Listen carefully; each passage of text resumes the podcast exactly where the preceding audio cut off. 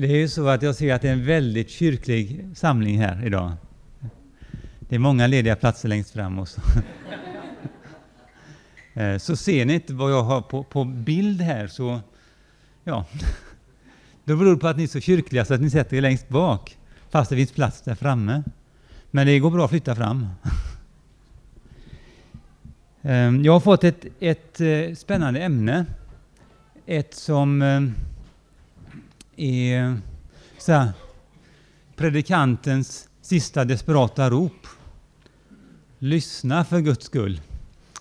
När ingen hör på längre. Men det är, idag ska det ju egentligen inte handla om att ni ska lyssna till mig egentligen, utan hur vi lyssnar på varandra och hur vi kommunicerar med varandra. Det är det som är eh, överskriften och det som är tanken med det här.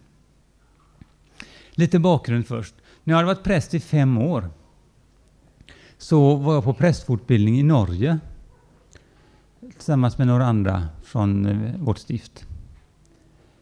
Och eh, då fick vi lyssna till en eh, man som heter Gary Sweeten som just hade varit där på en, en kurs på Watts kursgård uppe i fjällen och, och kom ner till, till Inremissionen, Storsalen i Oslo och berättade lite grann om det jag tänkte säga strax.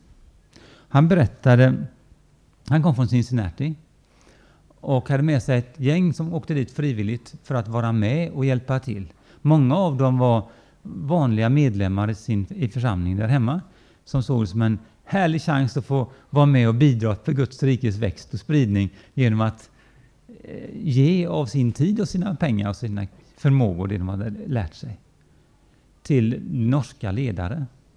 Och de här norska ledarna de kom stapplande ner för bergen fullständigt omtumlade över vad de hade varit med om. Jag återkommer till det om jag kommer ihåg i slutet varför de var så. Men de, de hade tagit detta så oerhört starkt. Så, och eh, så berättade Gary då om bakgrunden till vad de höll på med. Han sa att han hade gjort en doktorsavhandling i gränslandet mellan pedagogik och psykologi. Och eftersom han var kristen så hade han med en del teologi också. Det gick tydligen för sig i Amerika. Och eh, den här handlar, han gjorde som en, eh, sin avhandling en kurs i hur man hjälper vanliga församlingsmedlemmar att hjälpa varandra att forma en, en, mer, en varmare och helande miljö i sina församlingar. Det där tyckte jag lät intressant. Vad, vad handlar det om egentligen? Hur gör man det? När man läser i Paulus så står det här och var lite grann om eh, vad han vill. Och på en del ställen står det vad han har som målsättning med hela sitt arbete. Har ni någon susning om det?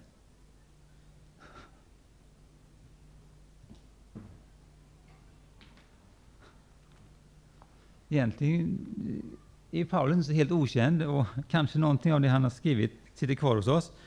Men riktigt, vad menar jag nu? Det är klart, det kan ni inte veta. Men så här tänker jag. Kristus förkunnar vi genom att vägleda alla människor och undervisa dem alla med all vishet för att kunna föra fram alla som fullvuxna i Kristus. Kolosserbrevet 1.28. Som fullvuxna i Kristus. Eh, fullvuxen på grekiska heter teleios.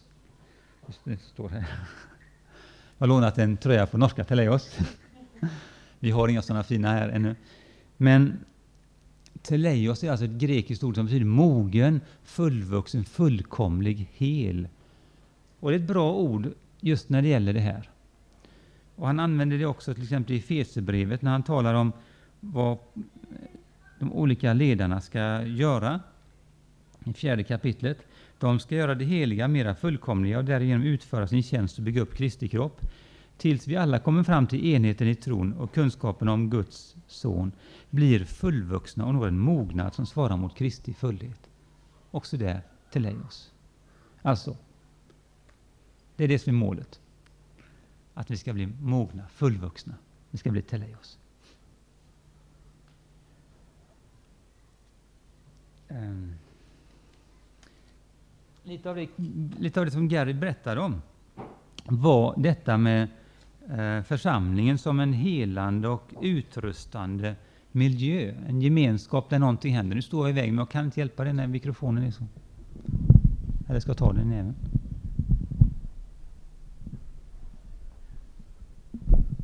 Så här kanske. En miljö där vi människor möts av värme, gemenskap, öppenhet. Där det är en trygg plats att vara, där vi är till för varandra på ett bra sätt. Vi se om vi kan få bättre skärpa.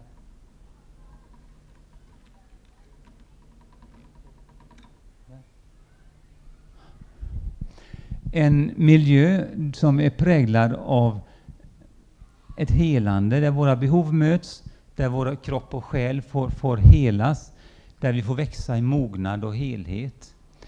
Men där vi också utrustas. Och jag tror att det går hand i hand. Helandet och utrustandet. Gemenskapen behöver vi för att om vi inte har en trygg plats så har vi svårt att växa. Det är väldigt svårt att växa om man ständigt är ifrågasatt och ständigt måste vara på sin vakt. Djupa relationer är inte det som i varje fall Svenska kyrkans församlingar är mest präglade av. Väldigt ofta blir det det vi känner de andra lite, lite ytligt som är i församlingarna. Tills vi hittar de här växtplatserna av små gemenskaper där man vågar möta varandra, där man vågar öppna sig lite grann för varandra. Och då handlar det också ofta om att vi behöver hjälpa varandra så att det kommer på djupet när vi möts. Att ta vara på tiden så det blir kvalitet igen. Um, ehm, tid, närhet, sanning. Viktiga behov i vår tid. Tiden har vi inte alltid. Men så mycket av. Men när vi har den, hur använder vi den? Vad jag har lärt mig mycket genom, genom Teleios-arbetet är att vi har jättemöjligheter om vi använder dem.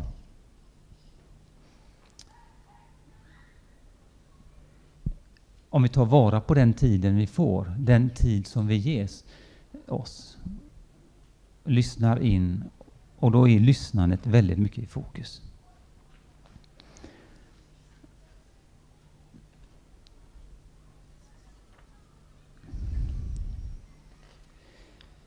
Um, Gary berättade om vad som var grundförutsättningarna för det arbete som de gjorde. De hade byggsten, tre byggstenar kan man säga. Det ena byggde på Guds ord i sanning och den kristna tron i sanning. Det är saker som vi kan lita på och hålla oss till. Och tänkte han på det som vi med lutherska termer kallar för den särskilda uppenbarelsen genom Guds ord. Um, men inte bara att det är någonting som man lär sig i huvudet, utan också någonting som man praktiserar i sitt liv. Och den vägen är ofta lång, från det att man lär sig någon kunskap till att man verkligen omsätter det i praktiken. Det finns ju hur mycket bra böcker som helst om relationer. Men det är få som blivit förändrade av en bok. Det är först när jag praktiserar det jag har läst som någonting händer med mig. Det andra är att Jesus är herre över livets alla områden. Eh, och då menar han på att vi säger nej till dualismen, att dela livet i en sekulär och en profan sfär. Utan, tvärtom, en, en sakral och en profan sfär. Att det är olika sidor av livet. Utan allt hör ihop. Kristus är med i hela livet. Och den tredje grundförutsättningen är att all sanning kan användas av kristna. Och det där hör ihop med att psykologi och psykologisk kunskap ofta ifrågasätts. I varje fall i vissa grupper av kristna. Därför att man, och framförallt i, i bibelbältet i USA, därför att eh, man har sett att, att det är så mycket som mm, ifrågasätter tron och så vidare. Och inte minst i, kan man se på undersökningar, till och med i Sverige, att bland studenter som läser olika discipliner så är den högsta andelen eh, sådana som förnekar Guds existens är psykologerna. Hoppas det inte finns några psykologer här som har trampat på, men det finns alltid undantag, vet ni. Grejen är att på något sätt så söker man andra världsförklaringar. Kanske söker sig dit. Men han menar på att vi kan ta vara på det som, som man lär sig och integrera det i vårt tänkande. För all sanning är, är Guds sanning, är från Gud. Hur man upptäcker den, om man upptäcker det genom psykologisk forskning eller annat.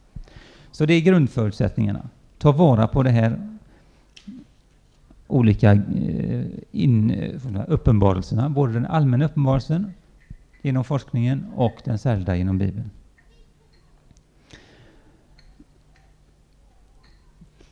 Teologin, psykologin och en öppenhet för Guds kraft. Att Gud griper in och förändrar och gör eh, någonting.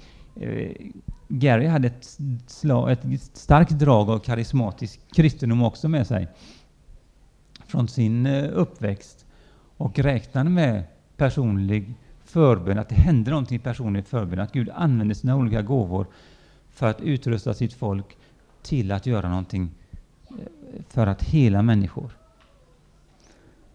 Så det finns också med här, även om man behöver träna sig. Det behöver man ju med allting egentligen. Allt ramlar inte ner på en, utan man behöver träna, öva. Har man fått en, en gåva av något slag så måste den ju övas för att den ska kunna växa och bli till, nå sin fulla potential. Och Gary menade också att, och för mig var det en lite annorlunda tanke, att också Andens frukt är någonting som vi bidrar till genom vårt sätt att förhålla oss. Hur vi gör med våra liv. Det är inte bara något som ramlar över oss eller växer fram oavsett vad vi gör. Utan vi kan göra saker på olika sätt i livet. Till exempel, under min uppväxt så var jag väldigt, eh, ja, umgicks väl i gäng och sådär, där, där det var väldigt eh, populärt att vara slagfärdig. Lite slängd i käften. Kunna ge svar på tal. Vara kvick och rapp med, med respons och gärna göra sig lite löjlig över folk och sådär. Det har ni väl aldrig varit med om, men, men för oss var det i det gänget jag växte upp ganska mycket sånt. Så småningom så upptäckte jag, eh, när jag hade blivit gift och sådär, stadgad man, och, Eh, att min hustru kom från en helt annan typ av miljö. Ett annat sätt att mötas på. Det stämde inte så bra. Det var inte så lätt att lyssna på någon om man ständigt var där på att liksom hugga istället för att ta det lugnt och vänta in och lyssna färdigt och försöka sätta sig in i en andra situation. Så vi får med oss många olika idéer och tankar i uppväxten och inom vår uppfostran och sånt som påverkar hur vi beter oss. Och vi kan jobba på det här beteendet väldigt mycket genom att vi får redskap för det. Så Teleios vill ge redskap för oss i verktygslådan som vi kan använda. Det säger inte att just det här verktyget är det som man använder jämt. Var och en som har lite olika köksverktyg eller garageverktyg eller så vet ju att man kan inte använda samma jämt. Det funkar inte så bra. Även om vissa får vara lite universal ibland, så är det ändå mycket bättre att ha olika verktyg. Så vi behöver utrustas med olika verktyg. Tanken här med Teleios-arbetet var ju att utrusta vanliga församlingsmedlemmar. Och de hade satt upp där ett, ett Teleios-center, ett, kan säga, ett själavårdscenter, ett samtalscenter i deras församling. Dit man fick komma och eh, få sex stycken samtal med någon vanlig församlingsmedlem som hade gått igenom den här träningen och som hade en kallelse och en känsla för det här att lyssna på folk. Och det visade sig att i, i forskning, oberoende av detta också, att ungefär 80 procent av alla som kom med sina problem och sina bekymmer kunde, genom att någon lyssnade på ett bra sätt på, på dem, lösa det där. Och de där man inte kom längre, då hade man en backup av sådana som Gary och andra som var lite mer professionella och kunde gå vidare och djupare när det var svårare saker.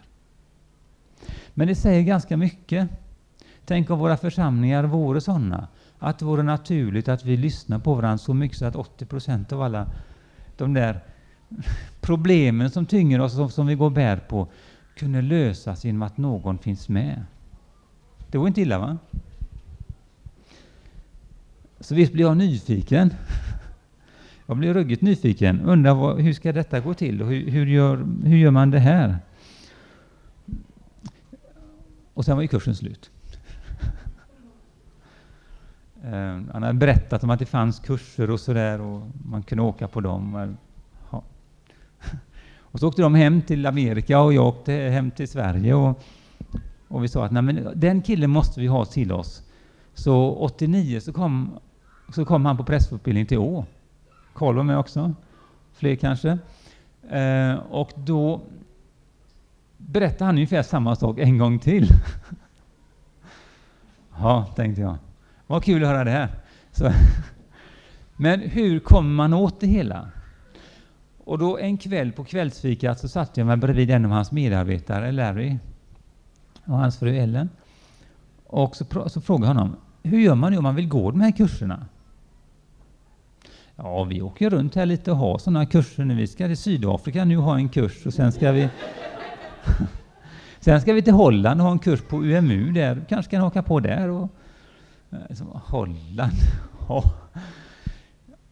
Okej, okay, jag fick telefonnummer och namn på den som höll i kursen i Holland. Så skildes vi där. Och jag eh, ringde ner och kollade om det var möjligt att komma. Ja visst, det går bra. Alldeles utmärkt. Och, och jag pratade med biskopen som var en snäll, vänlig person mm, och eh, ordnade fram lite pengar till oss. Så fick jag och min församlingsassistent åka ner. Och då åkte vi till Amsterdam och gick på de första två kurserna hette, då hette de Gyllene äpplen eh, och Förnyat sinne, förvandlat liv.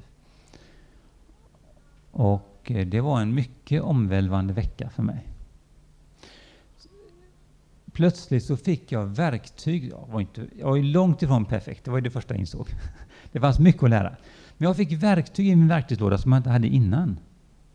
Grejer som gjorde att men så här kan jag göra. Och gör jag så här så får jag det resultatet. En helt annan attityd till, till samtal.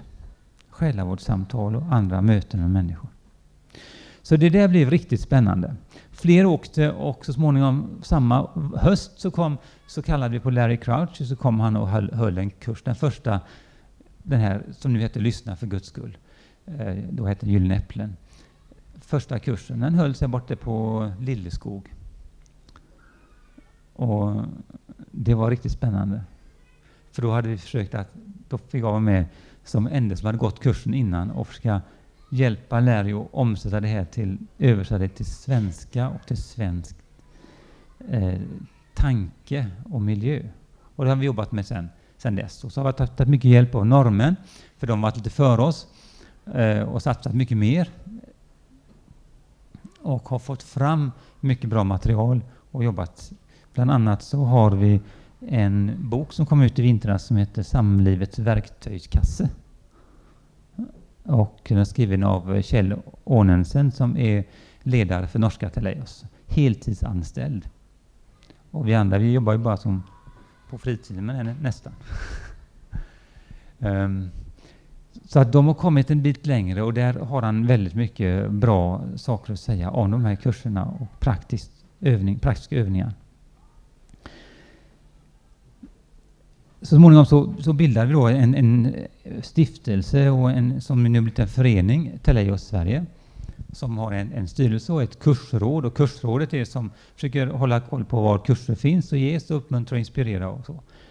Och Leif Dahlins i, i Bergsjöns församling och Bogdan Temiras som är i Kungsbacka församling. Och eh, Maria Svenungsson i Backa församling alla i Göteborg stift och vi i Bäve. Vi håller lite grann ledningen här. Vi försöker ta in det här i våra församlingar och integrera det i det vanliga församlings... Eh, aktiviteterna, Att det här återkommer regelbundet, en träning och möjligheter. Senast nu för en vecka, nej, en månad sedan så hade vi en kurs för vårt arbetslag i Bäve i Lyssna för Guds skull. Så att hela arbetslaget fick vara med. Lite grann nu om de här kurserna, vad de bygger på. De bygger på en människosyn. Naturligtvis.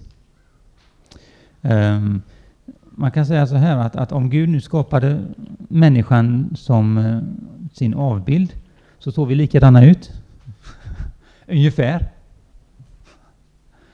Men um, det hände någonting.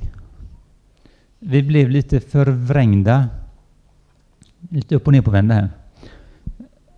Eller vad man ska säga. Och det betyder då att vi hela vårt inre är inte öppet och transparent emot varandra.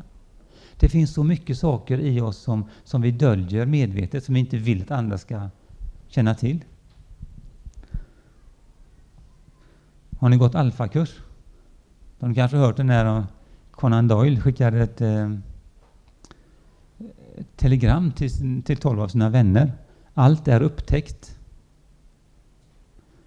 Inom 24 timmar har alla lämnat landet.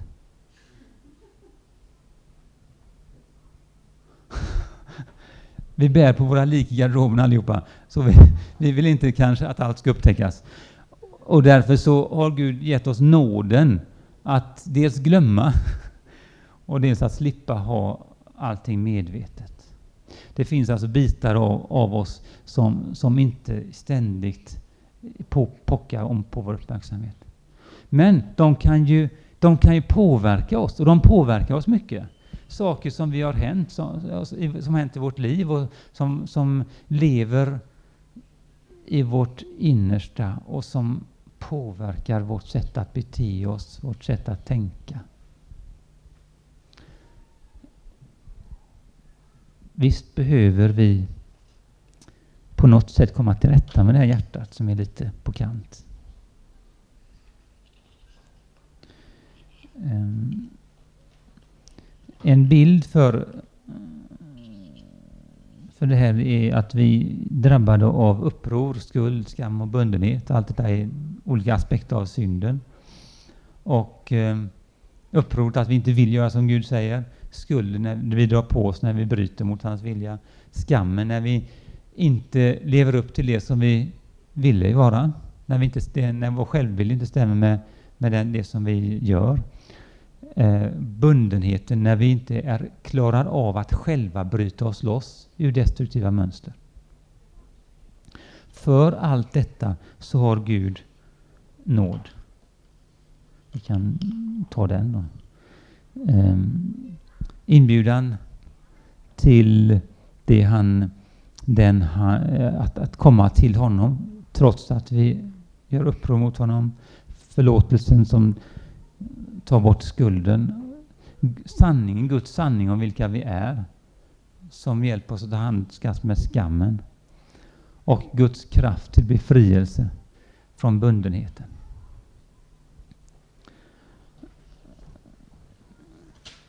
I Teleios så talar vi om att människor är både hjälpa, hjälpare och sökare. Och då menar vi inte att vi söker Gud utan att vi, vi söker förståelse, hjälp eller personligt engagemang från någon. Att vi är i en situation där vi behöver stöd av någon annan. Och den som då får komma in och vara säga, till stöd kallar vi för hjälpare. Och ena gången så är jag sökare, andra gången så är jag hjälpare. Och vi, i livet så turas vi om så. I ett äktenskap är det väldigt tydligt att man, man är för varandra, både hjälpare och sökare. Och det här bygger alltså på att ja, ge alla en pistol. Alltså om, för att förhindra flyg, flygplanskapningarna som var så populära förr så var det en grabb som sa varför kan inte alla få en pistol? Då skulle alla flygplanskapningar ta slut. Om alla är beväpnade. Det var hans logik. Ja, det var låg lite i det också tycker jag. Men om vi utrustar hela församlingen så blir vi inte beroende av att någon är liksom den som fixar alla andra. Det blir lite fel om till exempel prästen eller någon skulle vara den som kan själavårda alla och sen så räcker för det första inte en person till. Och för det andra så kanske inte den mest lämpliga personen i sammanhanget. Kan vara duktig på annat. Så därför får vi hjälpa, hjälpas åt med, med detta. Vi får vara både hjälpare och sökare. Ett av de viktigaste områdena när det gäller relationer, det är ju eh, här, par, makar. Och de har gjort undersökningar för varför det går fel i eh, äktenskap. Vad, vad som gör att det går snett. Och här har eh, de en del olika alternativ. Det är så avancerad teknik det. Ska ha papper på rätt sida. I procent då av alla olika fall med äktenskapliga problem. Fysisk misshandel 15 procent. Hushåll, det, det, det, kan faktiskt vara värre än misshandel när det gäller att det går snett. Otrohet. Svärmorsproblem eller andra släktingar som lägger sig i kanske. 28 procent. Fritidsaktiviteter kan ju dela på en familj. Jag vet inte hur många fotbollsänkor vi hade nu under VM, men det var ganska många. Eh, det kan ju gå för långt det där också. Pengar kan man gräla om. 37 procent, det är mer än en tredjedel av äktenskapen som, som får problem på grund av pengar. Och sex är ännu mer. Och barn. Men vad är det med mest då?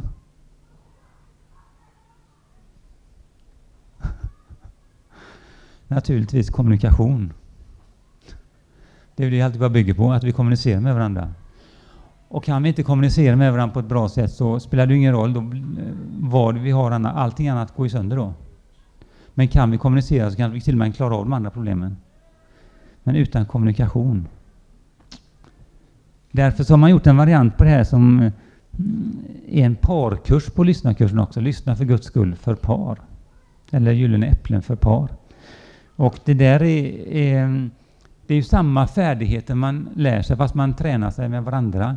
Och så har man, lägger man till lite andra saker som rör specifikt parrelation och hur man har det tillsammans i sitt äktenskap. Så man pratar om särskilda saker där också. Men grund, grundverktygen till verktygslådan är de samma.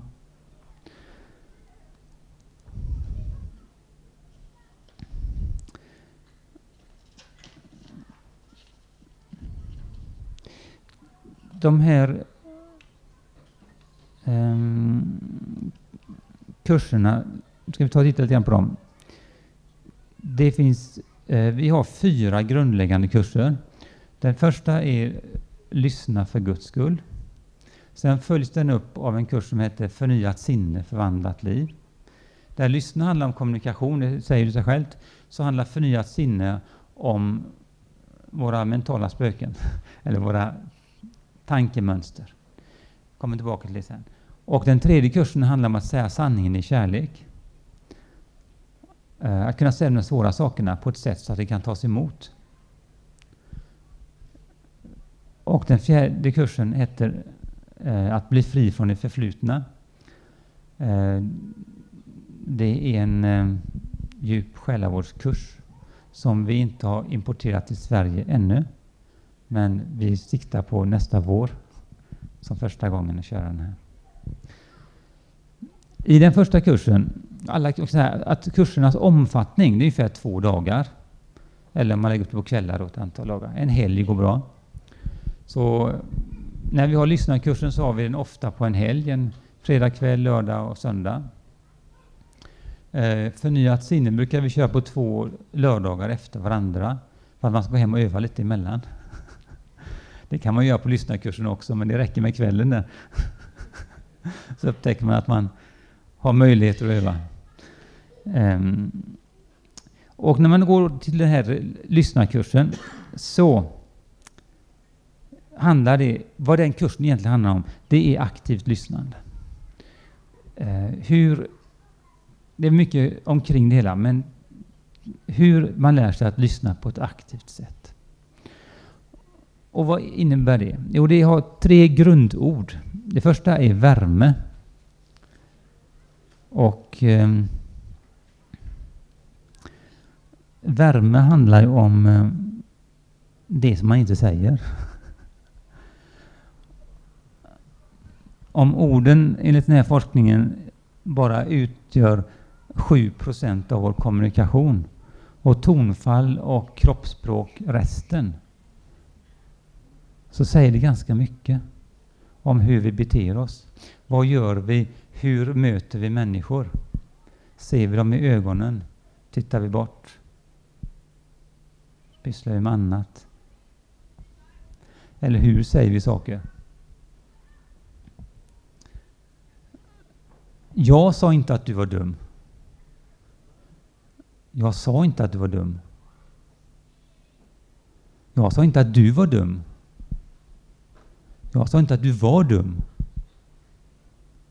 Jag sa inte att du var dum. Lite olika budskap, eller hur? Samma ord. Men paketet är annorlunda. Jag tänkte att ni ska få öva på en grej nu. Um, som hör, hör ihop med, med värme. Värme visar man genom kroppsspråk. Per-Erik, vill du ställa det här? Uh, om man Normalt sett så har man ju ett så lagom avstånd mellan varandra. Man ställer sig inte riktigt för nära. För vad som händer då är att vi svenskar vi drar oss tillbaka till en lagom avstånd. Det är ganska kul när man tar på internationella möten med människor. Man har olika kulturer och olika avstånd. Eh, sen också är det rätt hett att stå rätt fram så här när man pratar med varandra. Man har ingen chans att komma undan med blicken. Man känner sig väldigt påträngd så. Så därför så är det alltid lättare att prata när man sitter bredvid varandra eller man står vänd snett mot varandra. Så. Och att man har ögonkontakt förstås. Och att man inte sluter sig. Utan har en mer öppen bild eh, av sig själv. Att man visar en en öppenhet i sitt kroppsspråk. Att man inte är för slapp på stolen och hänger så här och ser ut som man skulle snart somna till. Utan att man är liksom uppmärksam. Har ni tänkt på det att om man sitter på en stol bredvid någon och den andra säger något intressant, då spetsar man öronen. Eller hur? Hur gör ni då? Ni lutar er fram, ja. Man spetsar öronen med ryggen. Och nu ska ni få öva och spetsa öronen. Ni ska få berätta när ni sitter två och två. Och så får ni berätta någonting.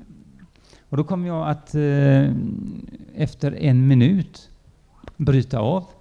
Och då kommer ni eh, att då kommer den som lyssnar, alltså den som är hjälpare, att sluta lyssna aktivt, eller lyssna med värme. Utan bara titta på klockan och titta bort, kolla vilka som är i lokalen och vad står det egentligen där framme på tavlan? Sådana grejer. Och sen så bryter jag efter en stund igen. Inte så lång stund. uh, och sen byter ni roller. Och så berättar den andra då. Berättar om barnen eller något. Det finns alltid något barn att berätta om. De har alltid, alltid något hus för sig. Så det går alltid att berätta något. Så att ni håll på att berätta bara så. Och sluta inte. Är ni med? Men skrik inte för högt, för då hörs ingenting. Men, men ta lite stillsamt så i bänkarna. Först en minut, lyssna intresserat. Säg ingenting, bara lyssna intresserat. Och sen så slutar ni med det när jag ger signal. Är ni med? Alla vet om förutsättningarna, ingen blir utsatt. Så.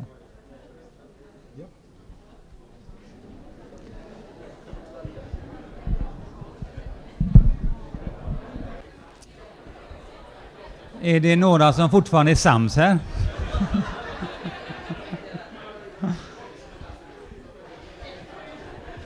Är det någon som vill berätta hur ni upplevde att, att ni blev inte lyssnade på? Ja, någon? Du kommer av dig? Ja. Någon mer? Tog du personligt? Ja. Var det någon som kände igen dig hemifrån?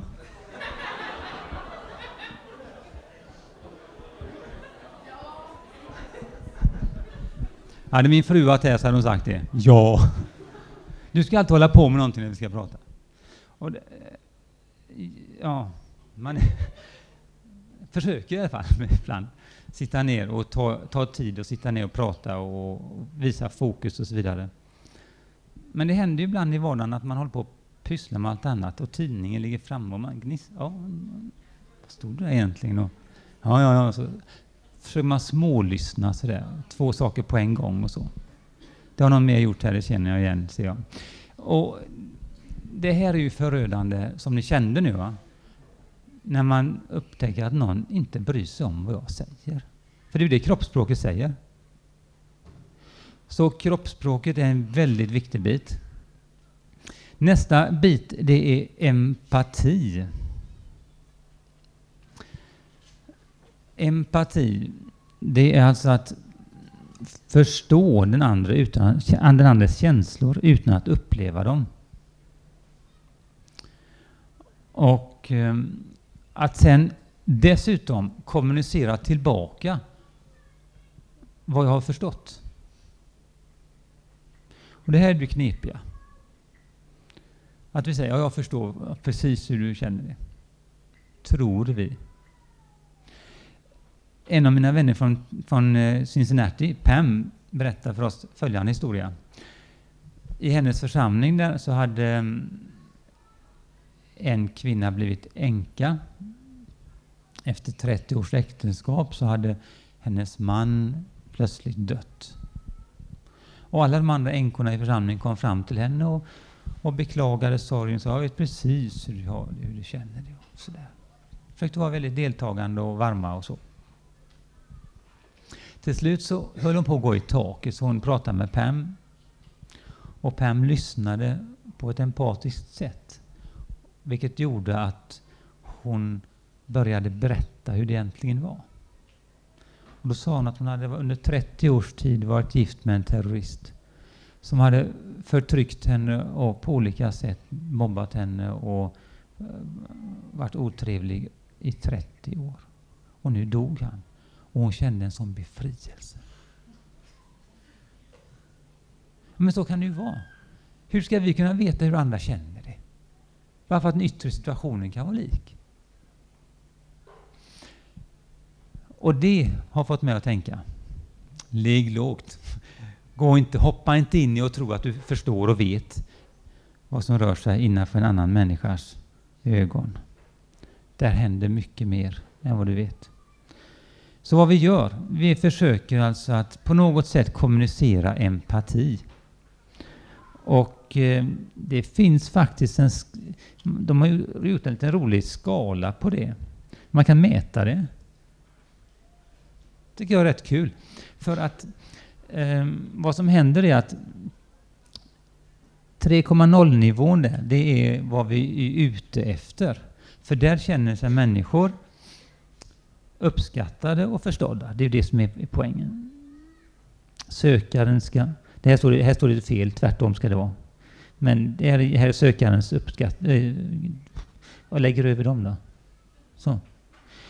Sökaren uppfattar sig uppskattad och förstådd. Det är poängen.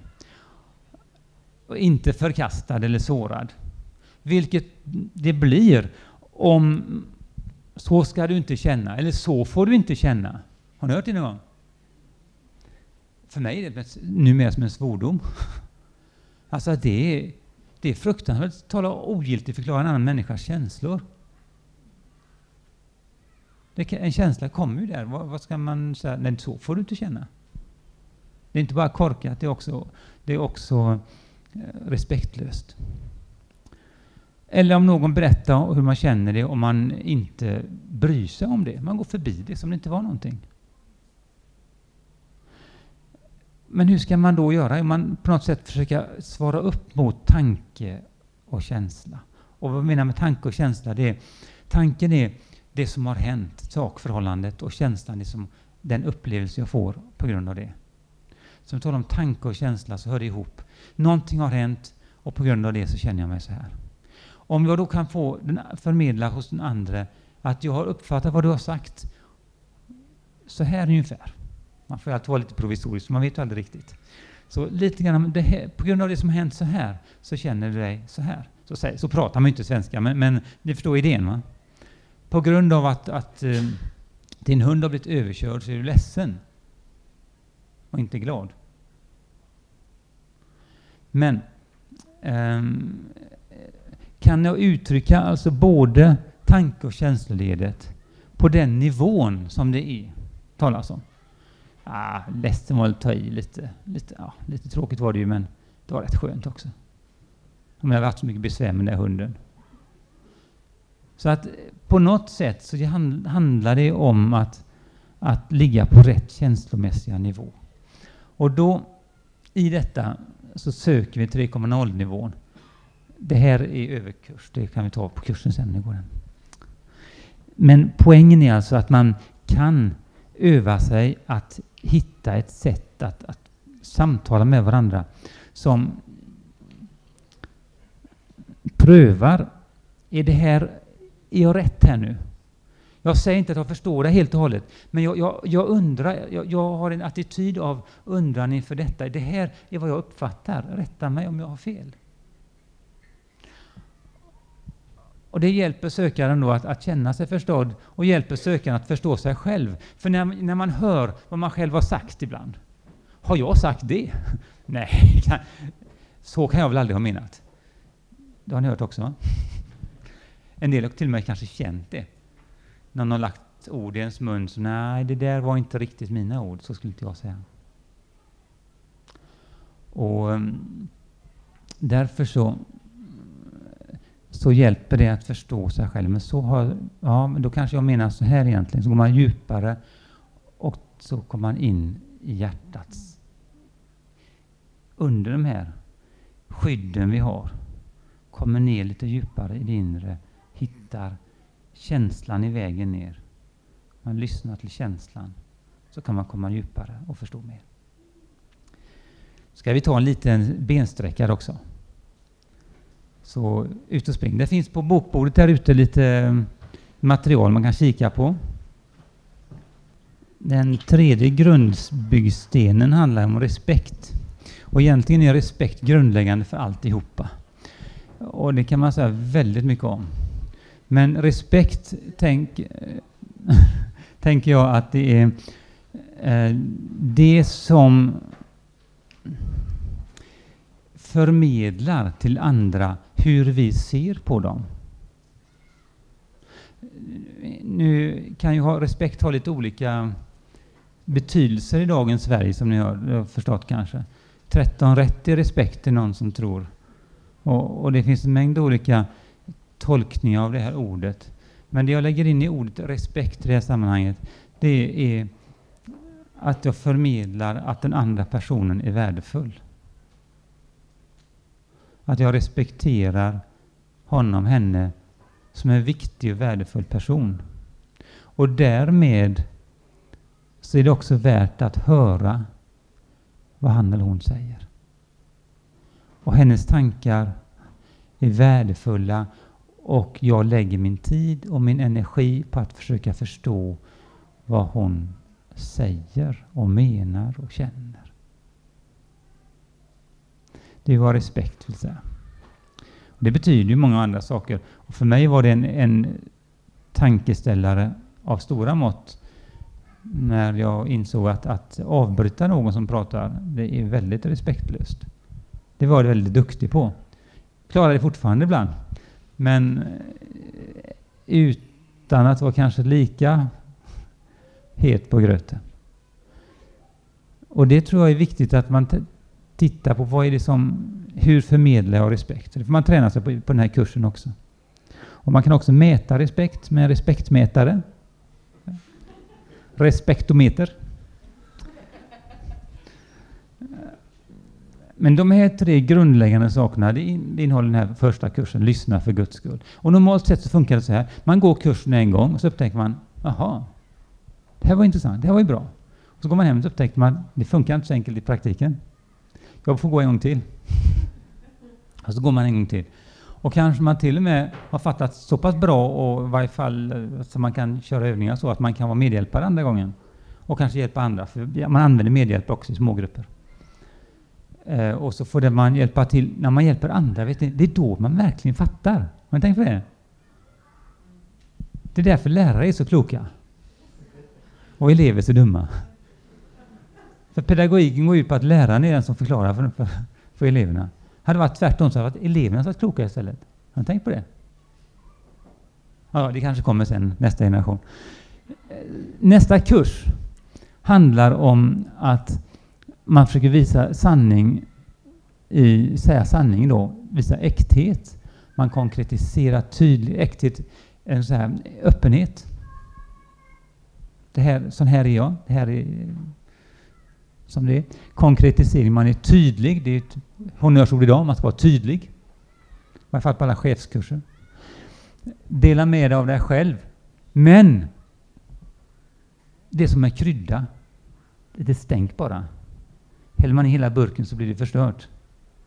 Det ska inte vara att man flyttar fokus från sökaren till hjälparen, utan bara en studs och så tillbaka igen. Uh, uppriktighet och konfrontation. Uppriktighet i gensvar. Om man upplever sig manipulerad av den andra eller förd bakom ljuset eller något sånt där. Och det här stämmer inte riktigt. Hur säger jag det på ett sådant sätt?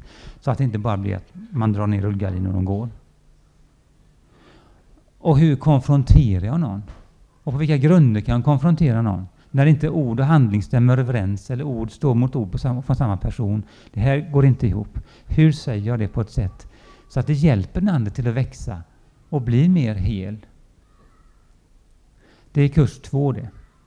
Att säga sanningen i kärlek. Egentligen så hör de här kurserna väldigt väl ihop. Men vi, vi knör in förnyat sinne förvandlat i mitt emellan dem oftast. Och tycker man ska gå den emellan. Den är en kurs vid sidan om. Och den handlar om helt andra saker egentligen. En oerhört spännande kurs för de som är intresserade av vad som händer i psyket. Den handlar om hur vi jobbar med våra tankemönster. För en, en, när någonting händer, låt oss säga det ringlar in en orm på gången här. Är det någon här som skulle bli rädd? Upp med en hand. Två, fem, tolv. Och de andra, är det några som inte skulle bli rädd? Ja, några stycken. Ja. Varför reagerar ni olika? Ormen är ju densamma. Vi bär någonting med oss i våra tankemönster. Vår förståelse av det som händer och sker. Och det kan leda åt ena eller andra hållet. Och att kunna pröva våra tankemönster och se efter varför vi reagerar som vi gör. Ibland kan det vara konstruktivt att flytta sig för när det kommer en orm. Särskilt om det är en väldigt giftig orm. I andra fall så kan det vara helt onödigt. Man kanske till och med behöver gå fram och rädda ormen från att bli överkörd. Eller något. Om man är djurvän. så vi, vi reagerar olika och vi får lära oss att pröva våra tankemönster på det, i den kursen. Och så testar vi dem efter fem kriterier för sunt kristet tänkande. Så att vi ser, är det här överensstämmelse med, med, med Guds ord? Är det överensstämmelse med, med en det olika, fem olika saker man testar. Va? Och eh, sen kan man ersätta sina tankemönster med sundare mönster om man upptäcker att de inte är så, så bra de här. Till exempel chefen kommer in och klagar på det jag har gjort. För en del människor så dras mattan under och de går nästan under. Jag har blivit kritiserad av chefen. Jag kommer att förlora mitt jobb. Jag kommer att få sänkt lön. Jag kan inte jobba kvar här längre. Men den andra, okej, okay, det får jag bättre nästa gång. Varför reagerar man så olika? För man har massa tankar där inne som direkt slår till. Så fort jag hör de här orden så slår det till utan att jag hinner reagera eller tänka. Men när jag sakta analyserar det jag har sagt, det, är det som är sagt och tänker efter så upptäcker jag här finns ju faktiskt någonting bakom det här. kanske att vi kan göra en sån där övning på, på seminariet för de som är intresserade imorgon. För det kan vara ett spännande sätt att, att pröva. Och så var det där som jag nu kommer ihåg att komma tillbaka till. Jag är inte helt senil ännu. Eh, vad hände på Vats? Det de hade gått igenom den här kursen att bli fri från det förflutna. Den funkar så att eh, man går igenom sitt liv hemma som hemuppgift. Man lyssnar på lite undervisning och man får gå igenom massa saker. Då så var det i alla fall när jag gick den. Eh, 80-talets slut eller 90-talets 90 början var det. Och då så fick man, efter att man har gjort det, hitta problemområden som man ville ta fram. Så kom man samman en helg i en grupp. Och då var det ett par stycken erfarna ledare. Och så fick man två timmar var i grupptid att berätta om det som man hade upptäckt i sin säga, genomgång av sitt liv. Självklart eh, tystnadsplikt utåt för, för alla i gruppen, så man delade där med varandra bara. Men man berättade det som var svårt i ens liv, kanske de allra djupaste sakerna. Kanske de som hade legat i botten och berört, alltså plågat en mest på olika sätt. Lyft upp det till ytan och får förbön, lång tid till förbön där, från hela gruppen. Ledaren leder samtal och hjälper plocka fram det som ska tas fram. Andra kan också vara med och bidra. Och så gör man person efter person, får man höra varandras sår och svårigheter i livet. Jag, jag har aldrig, tror jag, i, sen jag kanske den som barn, gråtit så mycket som jag gjorde på den helgen. Så jag förstår de som kom ner från berget mest på stapplande ben. Jag grät ruggigt mycket under den tiden när saker togs upp från mitt förflutna. Jag fick berätta och de fick be för mig, hålla om mig och finnas där för mig. Jag tror att mycket som la sig på plats, många svårigheter. Och utifrån det så kan man vara helare mot andra också, agera sundare.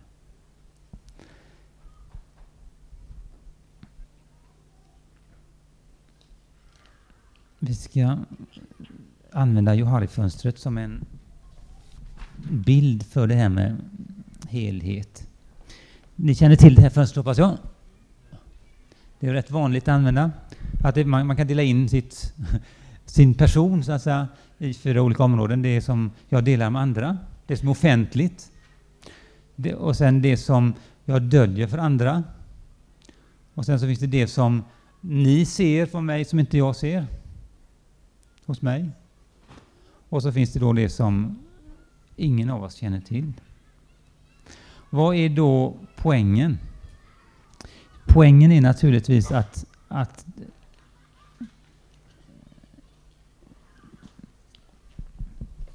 tillit gör att jag vill dela mer. Jag behöver inte dölja så mycket. Det dolda området kry, krymper när jag upplever att jag är trygg ibland människor. Vet, I vissa situationer så delar man väldigt lite med andra, för man litar inte på dem. Medan i andra sammanhang så kan man dela väldigt mycket. Och ju tryggare man är, desto mer kan man dela, desto mer kan man agera utifrån hela den man är. Misstro gör motsatsen alltså.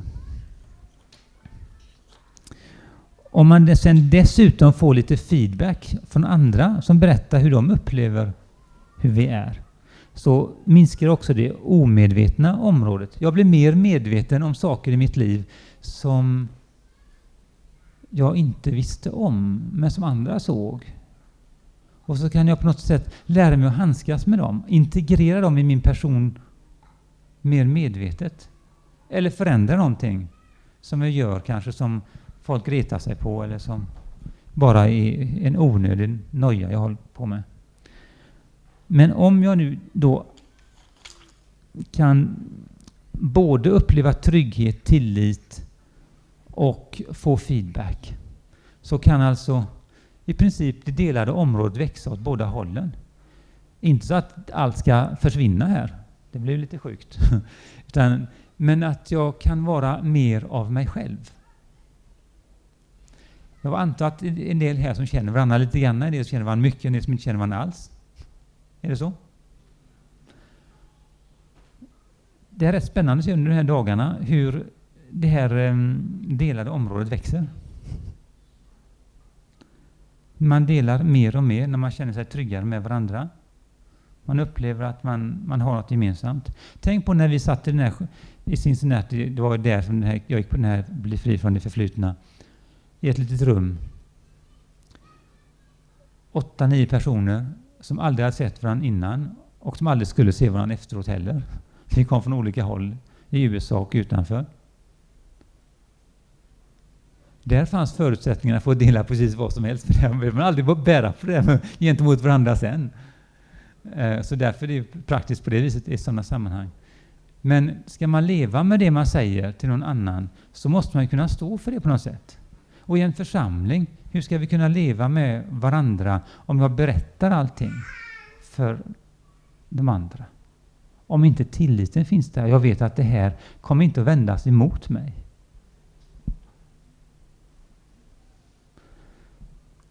Vi måste arbeta med tilliten och lyssnandet till varandra. Jag vill gärna... Nu är klockan nio, tror jag. Min klocka brukar gå fel. Två minuter. Den kanske? Det kan jag sluta med. Um, det finns så mycket i det här med att lyssna till varandra, att vara, vara till för varandra. Det finns stora hemligheter. För den som har blivit lite nyfiken på att gå någon av de här kurserna så finns det sådana här foldrar där ute på, på, på bordet i, i entrén. Um, börja i rätt ordning. Lyssna för Guds skull. Och som väl är det ganska snart en kurs. Vi har inte resurser till att eh, köra dem så ofta, men vi gör en gemensam ansträngning i Kungsbacka nu den 23-24 september. Så då går lyssnarkursen. Parallellt med den så har vi att säga sanningen i kärlek för de som har gått den andra tidigare. Och i, i Bäve kommer vi köra Förnyat sinne, förvandlat liv i november. Så man kan haka på här, Kungsbacka och Bäve under samma termin. Om man är riktigt pigg på det här. Där finns också kontakt på eh, telefonnummer och sånt där till mig om det är någon som vill pröva att ta hem det här och göra det hemma hos sig eller så. Så kanske vi kan hitta någon som kan komma och gör, ha en kurs.